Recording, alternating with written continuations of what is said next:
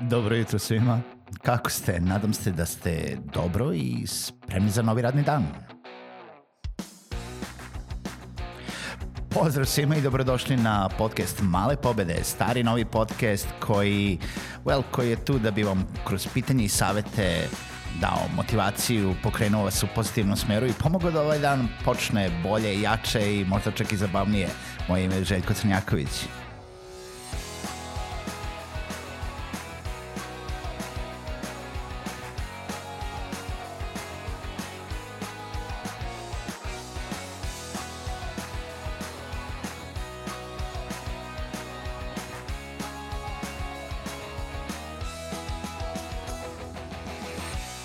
Pozdrav svima, dobrodošli u još jednu epizodu Malih pobjeda, dobro jutro, ovo radno jutro.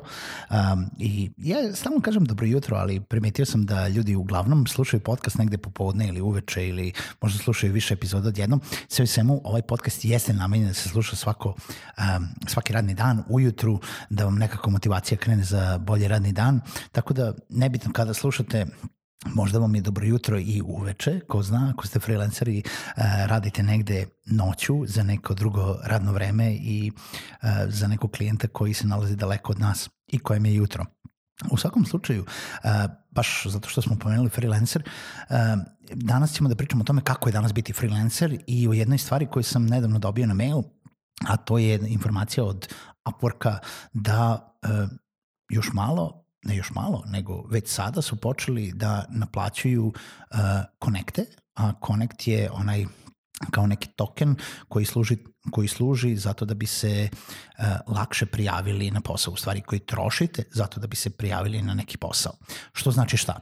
Nema više besplatnog prijavljivanja na posao, svaki Connect košta 15 centi, uh, za neki posao je potrebno 2, 3, ne, negde čak i 6 konekta, i bukvalno ćete svaki put kada šaljete neku aplikaciju uh, morati da odvajate određeni iznos uh, novca da bi uopšte poslali aplikaciju sa posao. E sad, da li je to dobro, da li je to loše? E, ima opričnih mišljenja, uh, freelanceri sa kojima sam pričao u poslednje vreme se, uh, se razlikuju, ono tipi ne slažu ili slažu sa politikom Upworka.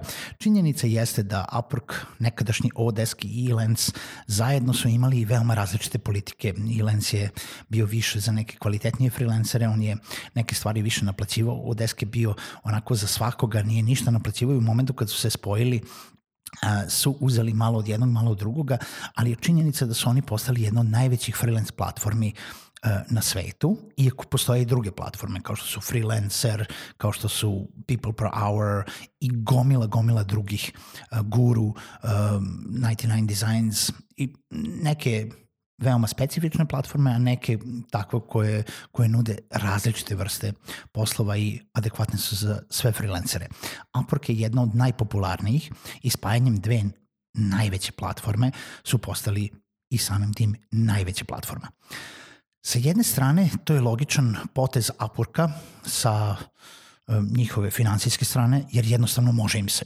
Može im se, uh, gomilu stvari nudim besplatno, uzimam dosta veliku proviziju na svaku transakciju, ali jednostavno zašto ne bi uzeo pare i na konekte i samim tim još više zaradio. Uh, to je sa strane biznisa jedan logičan potez koji ne mora da bude opravdan, ne mora da bude uh, opravdan time da e, mi želimo da vama bude bolje.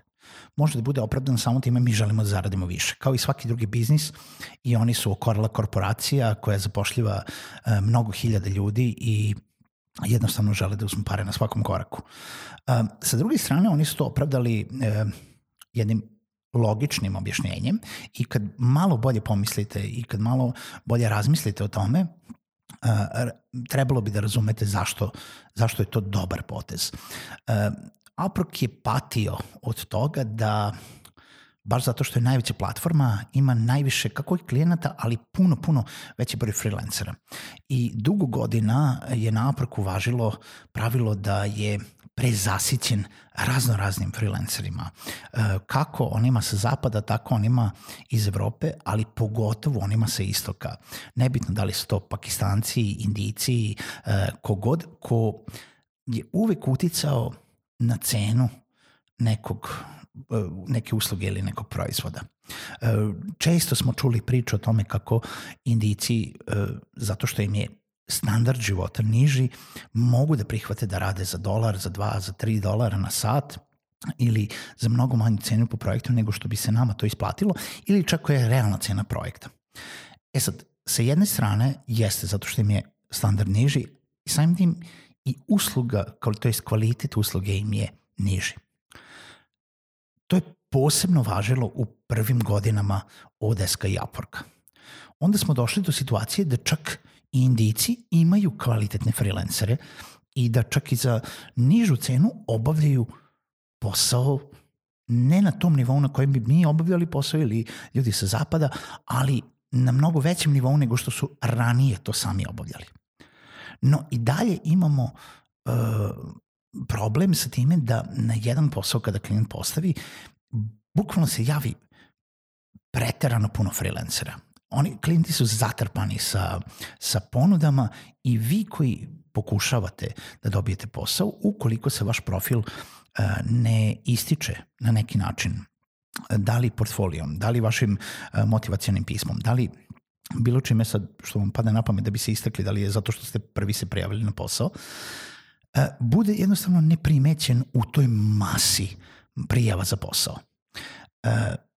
Davanjem cene na Connect i činjenjem toga da prijava za posao nije besplatna, automatski će te farme freelancera da otpadnu, da, da se masa proredi na neke koji su stvarno kvalitetni, koji žele da, da apliciraju za taj posao, koji neće trošiti pare i prijaviti se za 300 poslova u istom danu, nego jednostavno će razmišljati o tome gde stvarno mogu da ponude neku vrednost, gde stvarno žele i hoće i mogu da odrade taj posao kako treba.